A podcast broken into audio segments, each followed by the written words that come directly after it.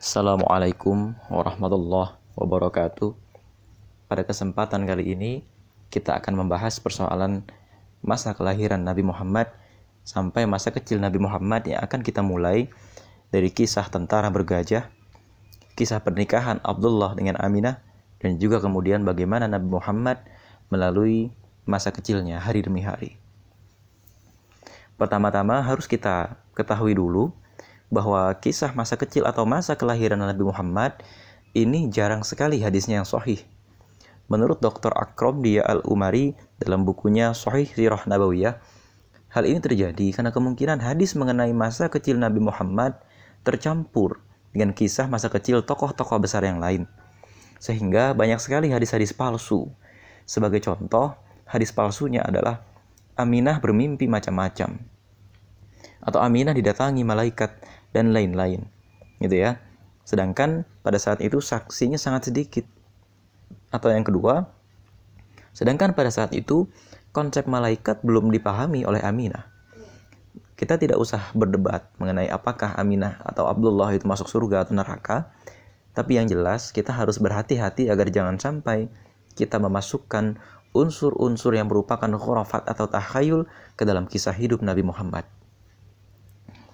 Pertama-tama, kita akan mulai dari kisah bagaimana Abrohah memimpin tentara bergajah untuk menaklukkan kota Mekah. Mengapa Abrohah ingin menaklukkan kota Mekah? Pada saat itu, harus kita ketahui di sekeliling kota Mekah ini dikuasai oleh kerajaan Romawi. Kerajaan-kerajaan lain seperti kerajaan Koptik di Mesir, kerajaan Habasyah ya di Ethiopia bagian selatan dan kerajaan Nubah di Sudan dan juga kerajaan Yaman mayoritas adalah kerajaan Kristen dengan berbagai variannya termasuk Abrohah adalah orang Kristen. Abrohah ini sadar sekali bahwa orang-orang Arab terutama yang mendiami kota Mekah adalah simpul-simpul para pedagang adalah para pedagang-pedagang ulung yang selama ini menghubungkan antara Persia dengan Romawi. Eh, dan di sisi lain, orang-orang Arab ini memang dipandang oleh orang-orang Romawi sebagai orang-orang yang kurang ajar. Karena memang orang-orang Arab ini sama sekali tidak mengakui kedaulatan Romawi sedikit pun. Padahal Romawi memang punya ambisi. Seandainya Romawi pada saat itu bisa menguasai kota Mekah, sebagai yang pada saat itu kota Mekah adalah pusat berhimpunnya orang-orang Arab, maka posisi daya tawar orang-orang Romawi terhadap orang-orang Persia akan semakin kuat. Jadi, latar belakang penyerbuan kota Mekah adalah latar belakang politik dan penguasaan secara geografis. Karena orang-orang Romawi ingin menang melawan orang-orang Persia. Maka Abrohah kemudian tahu bahwa yang menjadi pusat kenapa orang-orang datang ke kota Mekah adalah adanya legenda. Adanya legenda Nabi Ibrahim dan Nabi Ismail di kota tersebut yang kemudian menyisakan satu bangunan yang namanya Ka'bah ini dalam pikiran Abrohah, meskipun kita tahu bahwa Ka'bah itu memang sudah dibangun sejak awal bumi ini ada. Maka Abrohah kemudian berpikir, bagaimana jika dia membangun sebuah gereja raksasa, sebuah gereja besar yang namanya Kullais atau dalam dalam bentuk lain namanya Klais gitu ya. Untuk menandingi Ka'bah. Maka pun gereja ini dibangun, tapi ternyata orang-orang Arab tidak menghormati gereja ini. Karena faktor yang pertama pada saat itu, orang-orang Arab memang menyembah Allah sebagaimana Abrohah juga menyembah Allah. Tapi cara mereka menyembah sangat berbeda. Meskipun di tengah-tengah orang-orang Arab itu sendiri, ada orang-orang yang agamanya serupa dengan Nabi Ibrahim, ada juga orang-orang yang agamanya serupa dengan Nabi Isa, tapi mereka tidak mengakui Yesus Kristus sebagai Tuhan. Di sinilah titik masalahnya. Jadi Abrohah itu mengira dengan dibangunnya gereja besar yang megah, orang bisa berpaling ke sana. Tapi ternyata tidak. Justru orang Arab malah menghinakan gereja tersebut. Di titik inilah Abrohah itu mulai marah dan akhirnya mengirimkan sejumlah pasukan untuk menghancurkan Ka'bah di Mekah karena kemarahannya sudah tersulut. Nah, sampai di sini kita mendapatkan satu ibroh ya bahwa tidak tidak tidak kemudian pembangunan itu bisa menggeser kiblat masyarakat. Tidak kemudian pembangunan itu semata-mata gitu ya bisa menggeser ke mana masyarakat ini berlabuh. Karena memang masyarakat ini secara sosial akan keterpatri sekali apa yang menjadi peristiwa sejarah di tempat tersebut. barulah kemudian masyarakat ini bisa nyaman gitu ya. Ini misalnya ada pemindahan ibu kota, tidak sederhana karena di sana ada cerita masa lalu dan lain-lain. Sebagaimana kisah Abrohah ini tidak bisa memindahkan kiblat dari Ka'bah kepada sebuah gereja begitu saja. Ada proses sosial yang harus ditempuh, ada proses sejarah yang harus ditempuh. Ini tidak sederhana. Maka orang-orang Arab menolak memindahkan kiblatnya ke Yaman. Maka Abrohah menyerang Ka'bah dan kemudian terjadi peristiwa yang sangat dramatis. Abdul Muthalib mendengar kabar ini menyerahkan Ka'bah kepada Allah. Gitu ya, menyerahkan Ka'bah kepada Allah. Memang pada saat itu orang-orang Quraisy mengenal Allah, tapi kemudian tidak berarti caranya menyembah Allah itu benar. Termasuk juga di antaranya Abdul Muthalib. Kemudian eh, Abrohah ternyata mengambil 200 ekor unta milik Abdul Muthalib.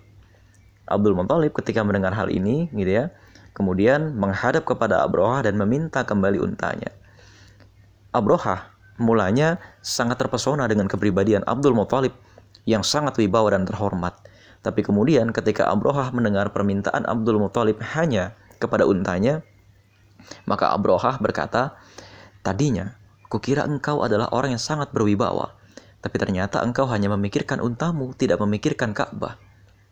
Apa kata Abdul Muthalib? Untaku adalah milikku dan Ka'bah adalah milik Allah, biarlah Allah yang akan menjaganya.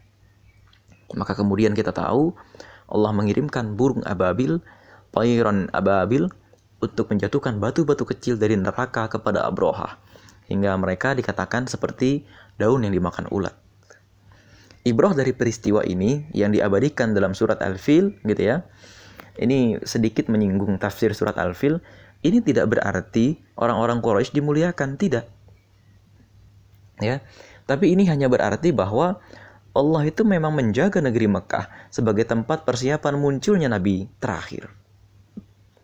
Yang kedua, Allah memang ingin menyelamatkan orang tua para sahabat Nabi yang tentu saja pada saat itu para sahabat Nabi belum lahir. Sebagian sebagian saja yang sudah lahir tapi kemudian para sahabat Nabi mungkin pada waktu itu belum lahir dan Allah menyelamatkan orang tua mereka dari kehancuran. Dan Allah mempertahankan struktur sosial kota Mekah dengan itu. Sehingga ketika Nabi Muhammad itu diutus menjadi nabi, kota Mekah itu betul-betul dalam keadaan yang fresh, betul-betul juga dalam keadaan yang prima, siap menerima kenabian dan tidak mengalami kerugian apa pun dari peristiwa tentara bergajah. Nah, menariknya di sini Ibnu Katsir ini mengetengahkan sebuah riwayat ya. Dia menghitung bahwa kelahiran Nabi Muhammad ternyata tidak pada saat tahun terjadinya perang gajah. Mengapa? Faktor yang pertama, ini ternyata pada saat itu orang Arab tidak mengenal tahun. Tahun Hijriyah ini pertama kali dikenal memang pada masa Umar bin Khattab. Sebelumnya, orang Arab hanya mengenal nama bulan tapi tidak mengenal tahun. Maka relatif peristiwa-peristiwa sejarah itu tidak dicatat tahunnya, hanya dicatat bulannya saja maka kita kesulitan melacak ini masa lalu Nabi Muhammad terjadinya kapan. Baru kemudian pada masa setelah hijrah baru bisa dilacak, gitu ya. Ini juga yang menyebabkan kenapa e, peristiwa-peristiwa sebelum hijrah rata-rata ulama sering sekali ikhtilaf atau mengalami perbedaan pendapat tahun berapa ini terjadinya. Nah, Ibnu Katsir sendiri tidak menegaskan bahwa ternyata Rasulullah lahir tepat pada saat pasukan bergajah ini menyerbu atau pada tahun tepat ketika pasukan gajah ini menyerbu. Tapi apa pun itu, yang jelas Nabi Muhammad lahir tidak lama setelah pasukan Abrohah menyerbu. Nah, sampai di sini gitu ya, kita lihat dulu apa sih latar belakang orang tua Nabi Muhammad Abdullah ini adalah orang terhormat. Dikatakan Abdullah itu salah satu orang paling tampan pada saat itu. Ketika Abdullah itu menikah, dikatakan 200 perempuan di kota Mekah, gitu ini menurut menurut sebuah kisah, ini pingsan mendadak pada saat itu. Aminah sendiri adalah orang terhormat yang asalnya dari Bani Zuhroh. Nah, artinya Abdullah berasal dari Bani Hashim, Bani Zuhroh ini berasal dari Bani yang juga sangat terhormat. Ini memberikan gambaran bahwa nasab Nabi Muhammad tidak bisa ditandingi oleh siapa pun. Nah, Abdullah itu ayahnya adalah Abdul Muthalib, sedangkan neneknya Abdullah atau nenek buyutnya Rasulullah adalah anak dari kepala suku Bani Adi bin Najjar. Bani Adi bin Najjar adalah satu bani atau kabilah yang tinggal di kota Madinah. Sehingga dari sini kita ketahui bahwa bukan tanpa alasan kelak sekitar 50 tahun kemudian Nabi Muhammad ini berhijrah ke kota Madinah. Itu bukan tanpa alasan. Karena memang di sana banyak sekali saudara-saudara Nabi Muhammad dari nenek buyutnya. Yang kedua, Abdullah ini meninggal ketika Rasulullah masih dalam kandungan.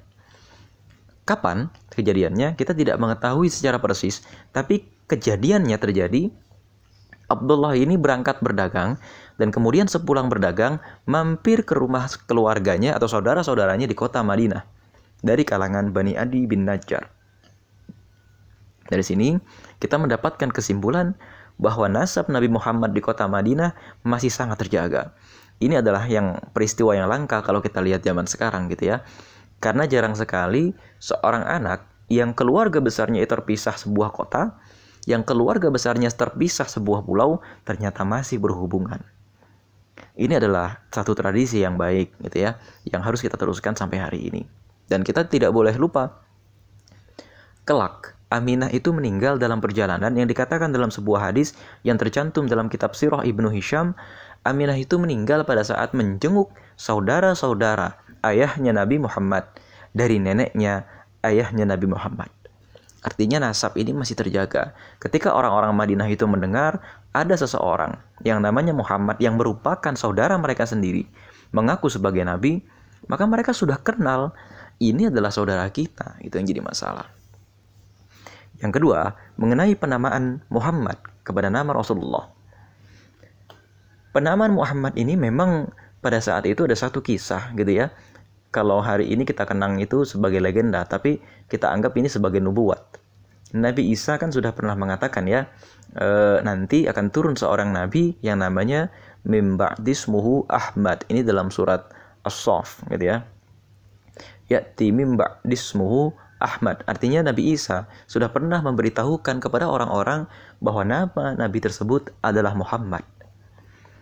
Nah, peramal-peramal di kota Mekah ya pada saat itu yang mengaku mendapatkan berita-berita gaib dari langit ini menyatakan berikanlah nama di tahun-tahun ini karena mereka mengatakan di tahun-tahun semacam inilah tanda-tanda alam semacam inilah nabi tersebut akan lahir. Gitu. Jadi dan pada saat itu gitu ya kepada diri Abdullah ini juga para peramal gitu ya ini melihat tanda-tanda bahwa anaknya Abdullah ini akan menjadi seorang yang besar. Maka Eh, kemudian banyak sekali wanita yang ingin menikah dengan Abdullah tapi kemudian ternyata Aminah yang terpilih. Nah, dari sinilah gitu ya. Uh, di kota Mekah pada saat itu ternyata memang sudah berkembang kisah mengenai bahwa nanti pada tahun-tahun yang itu itu akan lahir seorang nabi baru yang namanya Muhammad. Ada beberapa orang yang pada saat itu namanya juga Muhammad yang dilahirkan pada kira-kira tahun yang sama pada saat Rasulullah dilahirkan. Salah satu di antara mereka ini menjadi nama sahabat Nabi, yaitu Muhammad bin Maslamah. Muhammad bin Maslamah adalah nama seorang sahabat yang sangat terkemuka. Gitu ya. Dan ini lahir kira-kira usianya tidak jauh dari Nabi Muhammad. Ini menjadi bukti bahwa nama Nabi Muhammad pada saat Nabi Muhammad lahir ini bukan satu-satunya. Gitu ya, tapi Allah memilih bahwa Muhammad bin Abdullah adalah nama yang akan menjadi nabi. Pada kajian sebelumnya kita sudah mengetahui bahwa e, kisah mengenai akan turunnya nabi par, nabi baru atau atau nubuat atau ya ramalan mengenai turunnya nabi baru itu sudah diketahui secara luas oleh orang-orang di kota Mekah.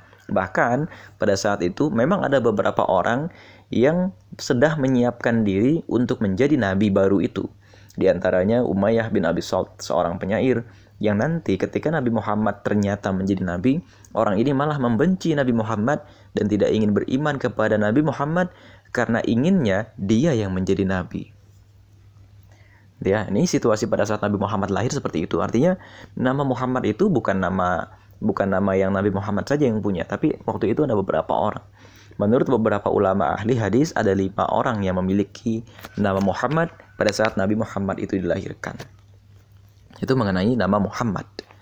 Yang kedua, kalau yang ketiga, kalau kita masuk mengenai kelahirannya Nabi Muhammad, kelahiran Nabi Muhammad ini sesungguhnya uh, Aminah itu hanya melahirkan gitu ya dalam kondisi yang mudah itu saja.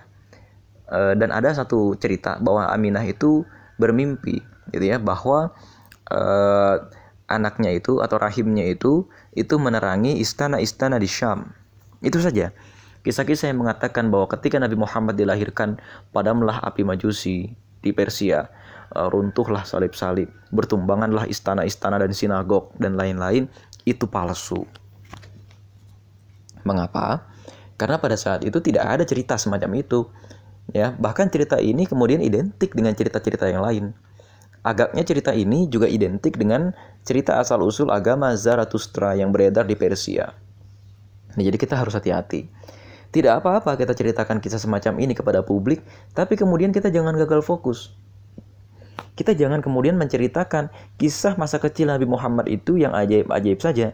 Seolah-olah nanti kita tidak bisa belajar dari bagaimana Nabi Muhammad itu di, di waktu kecil diperlakukan oleh Allah.